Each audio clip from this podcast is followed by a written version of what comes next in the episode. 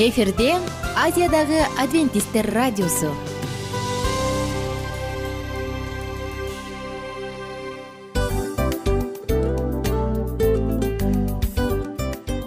Достор салют. Баардык сүйүктүү угармандарыбызга салам айтабыз. Кутман күнүңүздөр менен. Ден соолук өмүрдүн булагы демекчи саламат саамы программасында баарыңыздарды көргөнүбүзгө абдан кубанычтабыз. Анда алгач амандашып өтөлү арбаңыздар деп. Ден соолугуңуздар кандай элибизде көбүнчө ден соолук кандай дегенде эле жакшы деп жооп беребиз э ооруп турсак дагы жакшы дейбиз. Анан мен муну айтып ойлойт элем бул абдан сонун сөз депчи анткени бул жакшы деген үмүт да э баары жакшы болот. Баары сонун. Деп үмүттөнүп атып эле өзүбүздү өзүбүз дарылап коебуз. Анысы кандай сиздин дагы ден соолугуңуз жакшы беш деген үмүттөбүз чындыгында ден соолук бул өмүрдүн булагы деп бекеринен айтылган эмес деп ойлойм. Кыргыз элинде анткени эгерде ден соолук жок болсо анда адамдын жашоосунда калган баардык керектүү маңыздуу нерселер өзүнүн баалуулугун жоготуп коет. Ошондуктан ден соолук бул эң керектүү нерсе. Ооба туура айтасың кесиптешим. Чынында ден соолугуң жок бир эки үч күн ооруп калсаң эле э кандай болуп калат? Жашоодо көз каранды болуп каласың көп нерсеге жетишпей каласың көп нерсени кыла албай каласың жада калса эшикке дүкөнгө да чыга албай каласың. Туптуура анан ден соолук болсо демек биз биздин бактыбыз тотой деп койсок болот. Анда достор саламат саамы рубрикабызды баштайлы. Алдыда өзүңүзгө керектүү болгон сонун кеңештерди уга аласыздар. Мына ошондуктан биз менен бирге болуңуздар. Ал эми биз болсо милан жана айнура. Кеттик алга. Алга саламат саама ден соолуктун жарчысы. Саламат саама ден соолуктун ачкычы. Күн сайын сиз үчүн мыкты кеңештер сонун жаңылыктар кызыктуу фактылар биздин рубрикада.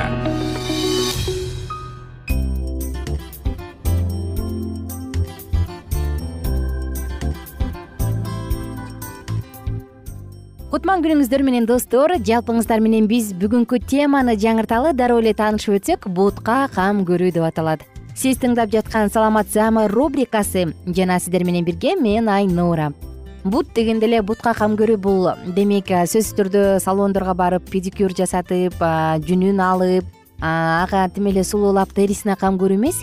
Албетте бутка кам көрүү дегенде анын сулуулугунан биринчи кезекте саламаттыгы үчүн кам көрүү эмеспи. Мына ошондуктан баардык айымдарды мырзаларды чакырам. Анткени буттун саламаттыгы ар бирибиз үчүн маанилүү. Буттар ар бирибизди көтөрүп жүрөт бизди кыймылдатат жана бизди чуркатат секиртет сүздүрөт сууда. Айтор баардык нерсе бутка негизделген. Анан буту жок. Элестетип көрсөң өзүң кандай болот? Жашооң кадимкидей баспай жашооң кадимкидей караңгыланып күн чыкпай калгандай болот э? Чындыгында бут абдан маанилүү. Ошондуктан анын саламаттыгына туура кам көрүүнү дагы билип алсак ашыкча кылбас достор эң эле негизги бутка кам көрүүдө негизги орунда турган бул аны жаракат кылып алуудан ага жаракат келтирүүдөн качуу жана ошондой эле жаш курактын жаш куракка байланыштуу муундардын эскириши же болбосо муундардын жакшы кызмат кыла албай калышынан сактоо. Бул эки нерсе бутка туура кам көрүүнүн пайдубалы болуп саналат.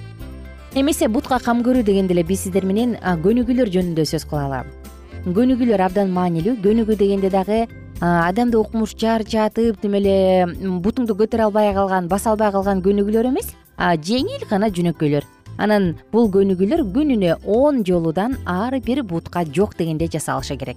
Биринчиси бул жамбаштарды бекемдөөчү жамбаштардын бекемдиги үчүн жасалуучу көнүгүүлөр ал үчүн сиз төрт буттап туруңуз жерге андан соң төрт буттагандан кийин бир бутуңузду денеңиз менен бир горизонталдык линияда боло тургандай кылып көтөрүп он жолу көтөрүп кайра ылдый түшүрүп жасаңыз. Жана ушул эле көнүгүүнү экинчи бутуңуз менен дагы жасайсыз. Төрт буттап туруп алып артка карай көтөрөбүз. Экинчиси саандар үчүн саандын булчуңдарын чыңдоо үчүн көнүгүү. Бул сиз капталдап отуруңуз жатыңыз дейинчи туурасы. Капталдап жатыңыз дагы анан бутуңузду колдон келишинче өйдө жакка көтөрүңүз. Ал эми бир чыканагыңыз менен жерди чыканактап таянып алсаңыз болот. Дагы бир жолу кайталайын капталдап жатыңыз. Чыканагыңыз менен жерден бир аз көтөрүлүп таянып туруңуз дагы бир бутуңузду колдон келишинче өйдө көтөрүп кайра ылдый түшүрүңүз. Андан кийинки кезекте кийинки капталдап жатасыз дагы кийинки чыканак менен таянасыз жана башка бутуңузду көтөрөсүз. Бул сан үчүн көнүгүүлөр эми кийинки көнүгүү бул сан жана икраларды бекемдөөчү көнүгүүлөр. Анда сиз жөн гана түп түз туруңуз түп түз туруңуз андан кийин тепкичке чыгып бара жаткандай болуп улам бир бутуңузду көтөрүп кайра түшүрүп көтөрүп кайра түшүрүп он жолу жасаңыз. Жана ушул эле көнүгүүнү экинчи бутуңуз менен жасайсыз. Өзгөчө баягы буту ооруган адамдар көп кыймылдабай аз кыймылдуу жашоо менен жашаган адамдар жөн гана турган кезде деле сүйлөшүп атканда же отурганда тура калып туруп бир нече мүнөттөп мына бул көнүгүүнү жасап койсо болот. Кийинки айта турган кеңешибиз достор ашыкча муундарга күч келтирүүдөн сактаныңыз. Анткени ар бир муундун кыймылдуулугу ченелүү аны жүз сексен градус бөлө бура албайбыз каалашынча кыйнап кыймылдай албайбыз. Ошондуктан күнүмдүк жашоодобу же спорт менен машыгасызбы кайсы гана учур болбосун ар бир муундун кыймылы ченелүү экенин унутпаңыз. Анткени ашыкча ага нагрузка келтирүү байламталарды үзөт же болбосо тарамышты үзөт керек болсо сынык менен дагы бүтүшү мүмкүн.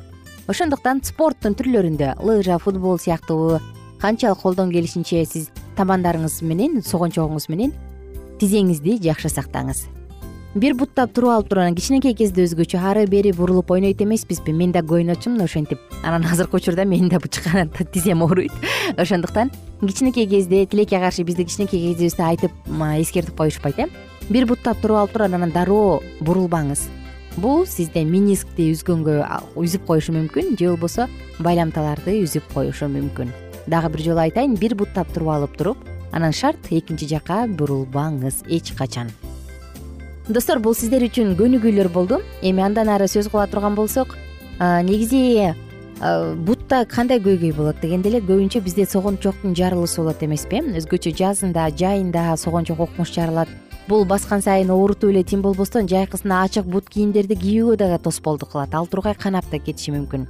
Деги эле согончок эмнеден улам жарылат дегенде нымдуулугу азаят экен мына ошондон тамандын териси өзүнүн серпилгичтигин жоготот. Бөйрөк моюндагы без ооруганда мында согончок жыл бою жарыла берет демек сөзсүз дарыгерге барып көрүнүшүңүз керек. Бөйрөк же моюндагы без ооруганда. Таман тери оорусуна дуушар болсо кээде семиздиктен канчалык кам көрсөңүз деле натыйжасыз болушу мүмкүн. Андыктан арыктоо зарылчылыгы келип чыгат ошондой эле организмге а жана д витаминдери жетишпегенде. Ысык аба ырайынын ыңгайсыз бут кийимдин чаңдын көлдүн туздуу суусунун кумдун терисинен улам дагы жарылышы мүмкүн. Айыктырыш үчүн эми эмне кылса болот? Көбүргөн самынды ысык сууга бутту он мүнөт кармаңыз. Самындуу ысык сууга. Муну күн сайын кайталоо зарыл.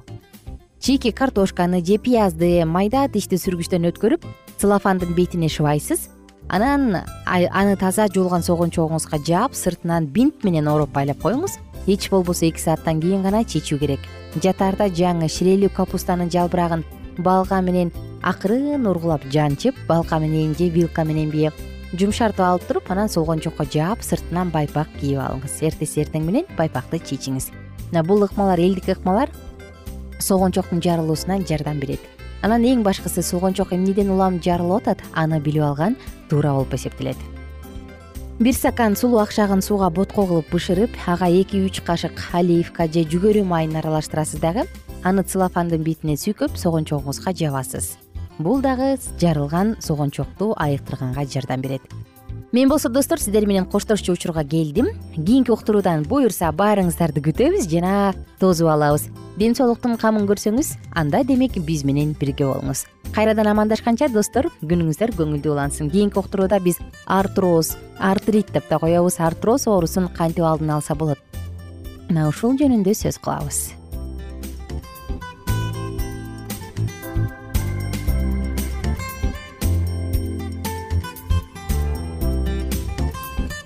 кененирээк маалыматтар үчүн үч w чекит саламат чекит клуб сайтына келип таанышыңыздар. Жана андан тышкары социалдык тармактарда youtube facebook жана instagram баракчаларына катталыңыз. Саламат саама ден соолуктун жарчысы. Саламат саама ден соолуктун ачкычы. Күн сайын сиз үчүн мыкты кеңештер сонун жаңылыктар кызыктуу фактылар. Биздин рубрикада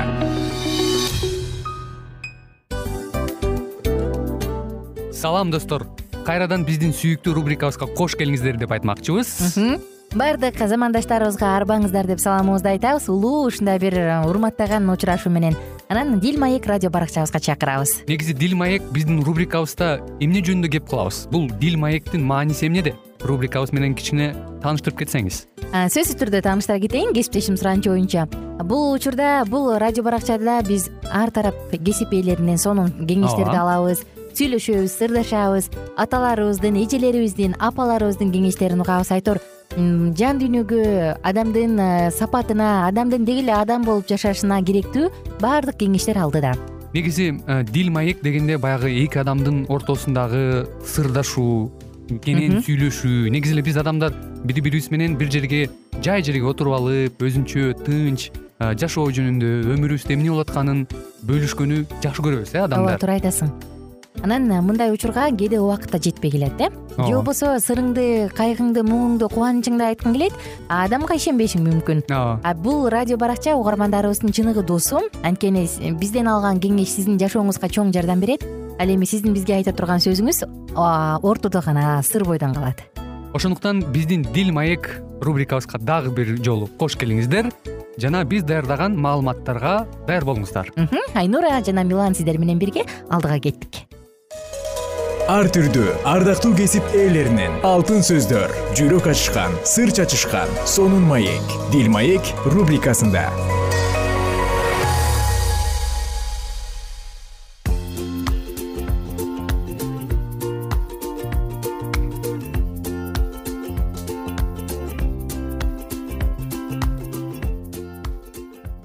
салют достор. Кандайсыздар? Ардактуу угармандар жалпы угармандарыбыз менен кайрадан ушул жыштыктан үн алышканыма кубанычтамын. Дил маек рубрикасы. Жана сиздер менен маектешип бактылуу үй бүлө тууралуу талкуулообузду улантабыз. Үй бүлөлүк жашообуздун ийгилигине жетиш үчүн баардыгын күчүмдүн жетишинче жасоого канчалык ниеттенүүдөмүн. Биздин үй бул биздин чеп жана баш калка. Зордукчулуктун кол салуусунан коргочулуп турган эс алуучу жай эдвард кок. Достор келиңиздер. Э, мурунку уктурууларды эгер уккан болсоңуз биз сиздер менен сонун тепкич артынан тепкичте өйдө карай улам чыгып келе жатабыз. Улам бир тепкичке көтөрүлүп. Бүгүнкү уктуруубуз дагы сизге чоң үй бүлөдө бактылуулукту жайдуулукту түзүүгө жардам берет деп ишенем. Биздин ата бабаларыбыздын биринчи үйү качан алар жерди толтуруп чар тарапка жайылышкан учурунда өз балдарынын турак жайларын сүрөттөө үчүн кызмат кылмак. Кудайдын өз колу менен жасалгаланган бул үй көздүн жоосун алып суктандырарлык ак сарай болбогон. Адамдар өздөрүнүн кол иштери жасаган заңгыраган кымбат баягы курчоолорду курчоолоруна кубанышат э? Забор курушат үй курушат дубал курушат анан кубанышат. Кудай болсо адамды каяка жайгаштырды эле достор? Ооба бакчага жайгаштырган бул анын жашоо турагы болчу. Көгүлтүр асман анын үйүнүн үстү болчу. Тирүү жашылчалар менен капталган кооз гүлдөр менен төшөлгөн жер анын полу. Кооз көз жоосун алган дарактардын коюу жалбырактары ал үчүн калка болгон. Бейиш үйүнүн дубалдары улуу убердин колу менен жогорку деңгээлде баарпайып жасалгаланып кооздолгон.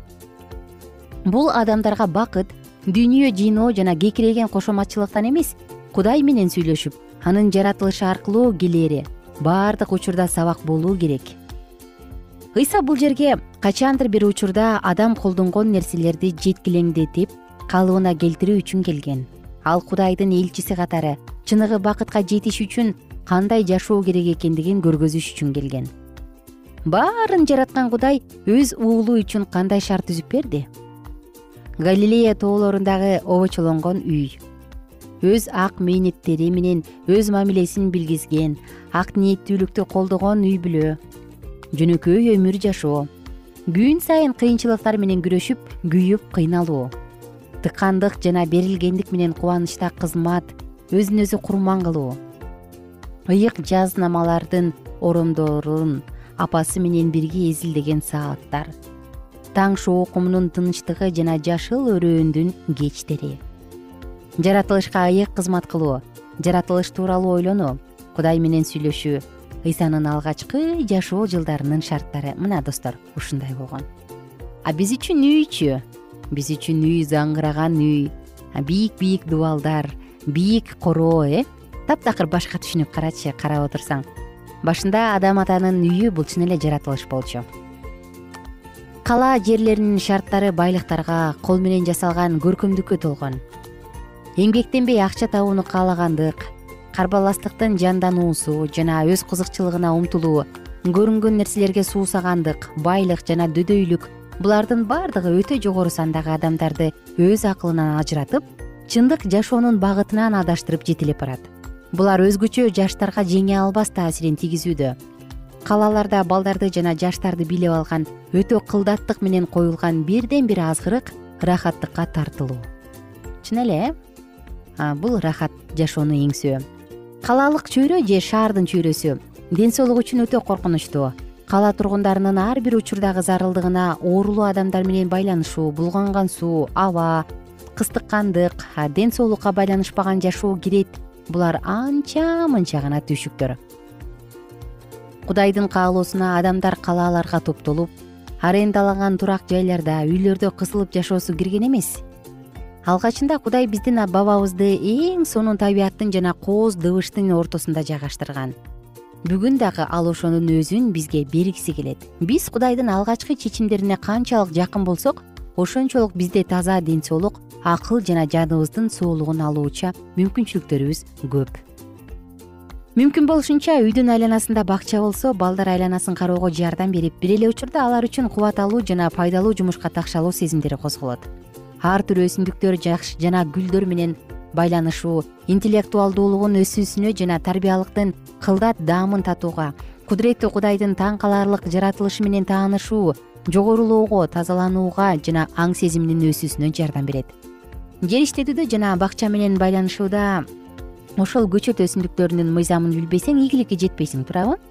Ар бир өсүмдүккө кандай караш керек аны окуш керек алардын ар бири өз өзүнчө көңүл бурушка муктаж жаш көчөттү отургузсаң мисалы кыйыштырып жана сукартсаң сууктан ысыктан жана күндөн калкалаган учурларда ото чөптөрүн отоодо.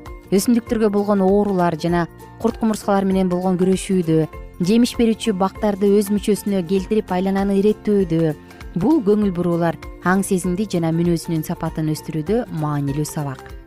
Мындан тышкары эмгектенүү адам баласынын жеткилең болуусуна жардам берүүчү табылгыс даба адам өзүндө умтулуу чыдамдуулук бир нерсеге көңүл буруу мыйзамга тил алчаак болуу сапаттарын иштетүүсү менен эң жогорку маанилүү даярдык алат өмүрдүн жашырын сырлары жана жаратылыштын таң калычы менен байланышуу андан тышкары боорукерлик ушул кудайдын жаратылышына кызмат кылуу сезимдери туулганда акыл эстирилип мүнөздү тазартып көтөрмөлөйт кудай биздин акыл эсибизди кызыктырып тартуу үчүн айланабызды жаратылыштын кооздугу менен курчап койду.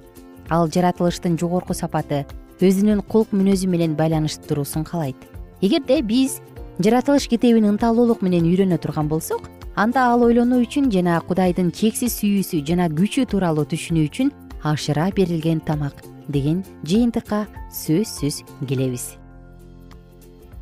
ардактуу угарман мына сиздер менен бүгүн дагы биз бактылуу үй бүлө деп аталган циклдан бир сонун үзүндүлөрдү окуп ой жүгүртүп өттүк.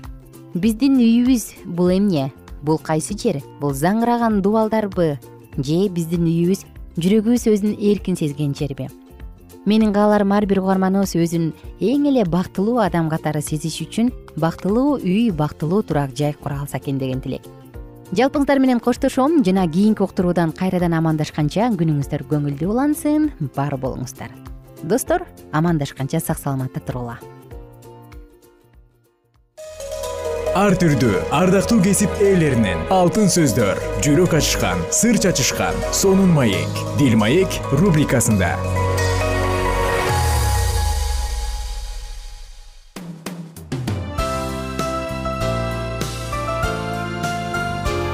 эфирде азиядагы адвентисттер радиосу.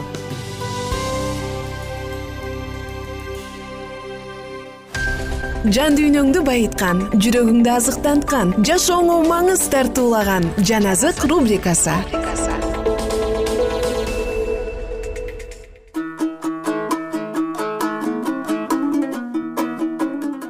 арбаңыздар кадырлуу калкым. Арбаңыздар ала тоону аркалаган агалар аталар эжекелер энелер жана сиңдилер инилер. Жалпыңыздар менен амандашып биз жаназык уктуруусун баштадык. Жана бүгүн дагы марк жазган жакшы кабарды окууну улантабыз. Марк жазган жакшы кабар он бешинчи бөлүм кырк экинчи аяттан ары уланталы. Кеч кирип жума күнү аяктап ишемби күнгө таяп калганда снедриондун бир кадырлуу мүчөсү кудайдын падышачылыгын күтүп жүргөн ариматаялык жусуп келди. Ал пилатка кирүүгө батынып ыйсанын сөөгүн сурады. Пилат анын өлүп калганына таң калды.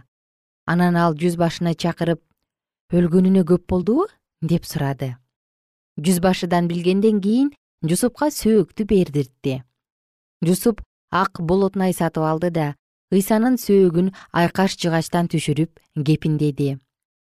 Анан ал сөөктү асканын бооруна оюлган мүрзөгө коюп мүрзөнүн оозун таш тоголотуп келип жапты магдалалык мариям менен жосенин энеси мариям болсо анын кайсы жерге коюлганын карап турушту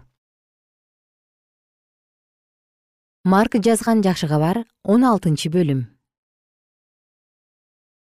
ишемби күн өткөндөн кийин магдалалык мариям жакыптын энеси мариям жана саломе ыйсанын денесин майлоо үчүн жыпар жыттуу майларды сатып алышты.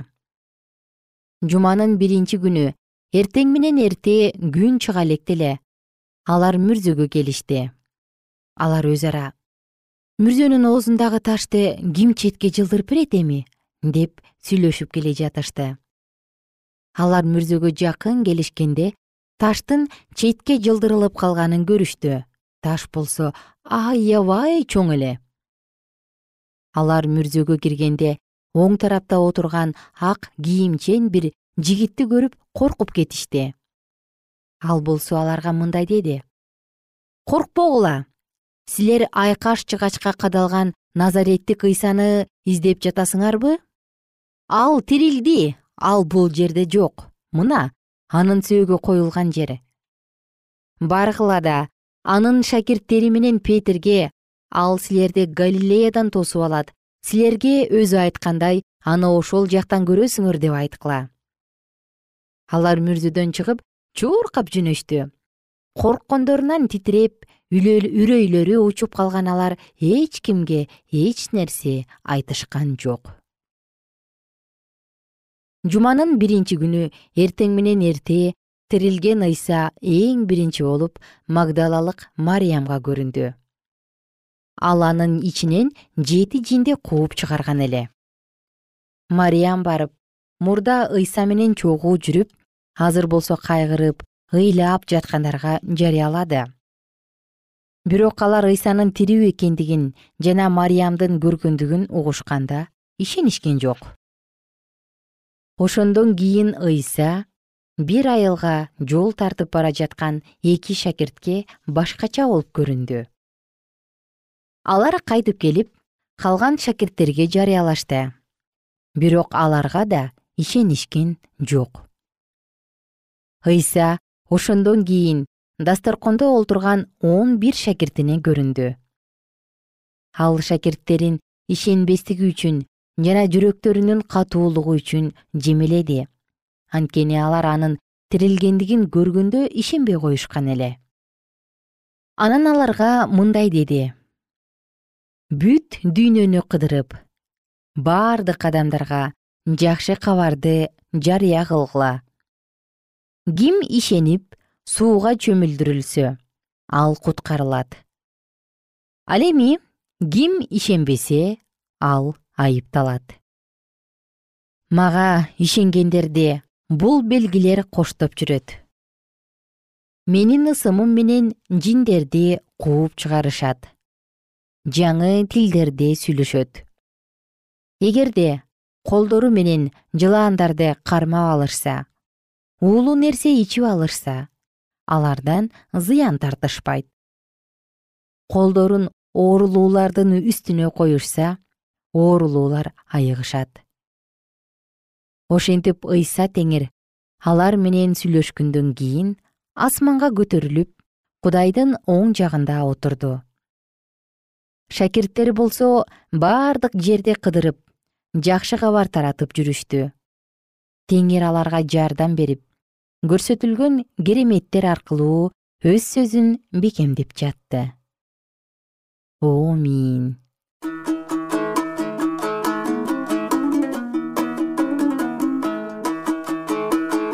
кадырман замандаштар бүгүн сиздер менен марк жазган жакшы кабар китебин баштан аяк толугу менен окуп бүттүк. Жакшы кабар деп өзү эле айтылгандай адамдын жашоосунда жакшы кабар позитивдүү сүйүнтө турган кабар өтө эле аз кездешет эмеспи. Бирок бул кабар чындыгында жакшы. Анткени сиздин бул өмүрүңүз ушул эле өмүр менен чектелип бүтүп калбайт. Анткени сиздин өмүрүңүздүн уландысы түбөлүктүүлүктө баягы бейиште деп коет эмеспизби дал ушул жакта улана алат. Канткенде кайсы учурда? Качан сиз ыйса машаяктан бүт күнөөңүз үчүн кечирим алып тобо кылып кечир мени. Мен сенин менин күнөөлөрүм үчүн өлгөнүңө ишенем. Менин күнөөлөрүмдү кечир дегениңизде асманга карата эшик ачылат. Ошондуктан достор мен сиздерге кааларым. Келиңиздер. Эгерде бул учурга чейин жүрөгүңүздүн түпкүрүндө тынчтык таппай келген болсоңуз мен эмнеге жашап жатам? Жашоомдун маңызы эмнеде деген суроону ушуга чейин берип келген болсоңуз.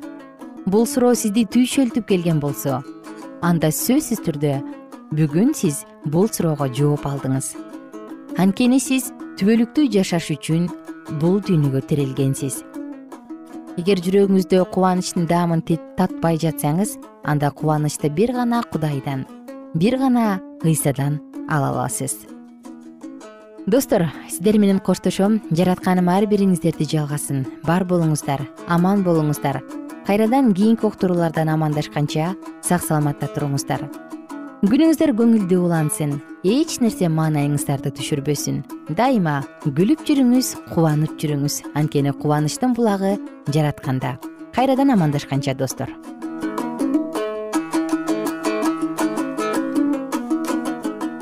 эгер сиздерде суроолор болсо же көбүрөөк маалымат билем десеңиз анда биздин whatsapp номерибизге жазыңыз.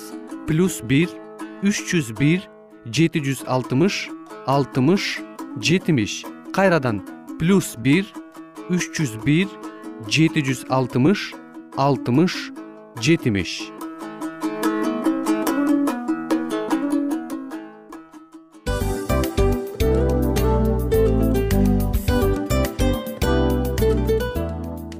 мына ушинтип убакыт дагы тез өтүп кетет экен. Биз дагы радио уктуруубуздун аягына келишет. Келип кубандырдыңар эми кетип кубандыргыла деп тамашалап калышат эмеспи? Анысы кандай? Радио баракчабызды программабызды азыр эле баштап аткандай болдук элек. Мына соңуна келдик э? Негизи убакыт э, билинбей өтүп кетет экен? Мен дагы убакыт дегенде бүгүн бир адам менен сүйлөшүп калдым. Анан убакыт бул мүмкүнчүлүк деп айтып өзүмө өзүм айтып алып анан мага өзүмө эле кайра ачылыш болду да чын эле. Э карап отурсаң ошол эле жыйырма төрт саат ошол эле жарым саат кайталанып атат. Бирок сендеги мүмкүнчүлүк жок ошол кой берилип кетти? Анысы кандай? Бүгүнкү сонун убактыңызды алтындай болгон жарым саатыңызды бизге бөлүп арнаганыңыз үчүн ыраазычылык айтабыз. Анан жашооңуздун кайсы бир сферасын өзгөртө турган сонун пайдалуу кеңеш алган болсоңуз анда биз максатыбызга жеттик. Анан ушул нерсени кылбасам десеңиз ошол өзгөрүүлөрдү кичинекей кадамдардан баштап иш жүзүнө ашырыңыз дагы жашооңузда чоң чоң ийгиликтерге жетиңиздер. Чын жүрөктөн ар бир берилген кеңештер сөздөр сиздерге пайдасын алып келет деп ишенебиз жана кийинки уктурууларда сөзсүз түрдө чыдамсыздык менен сиздерди күтөбүз.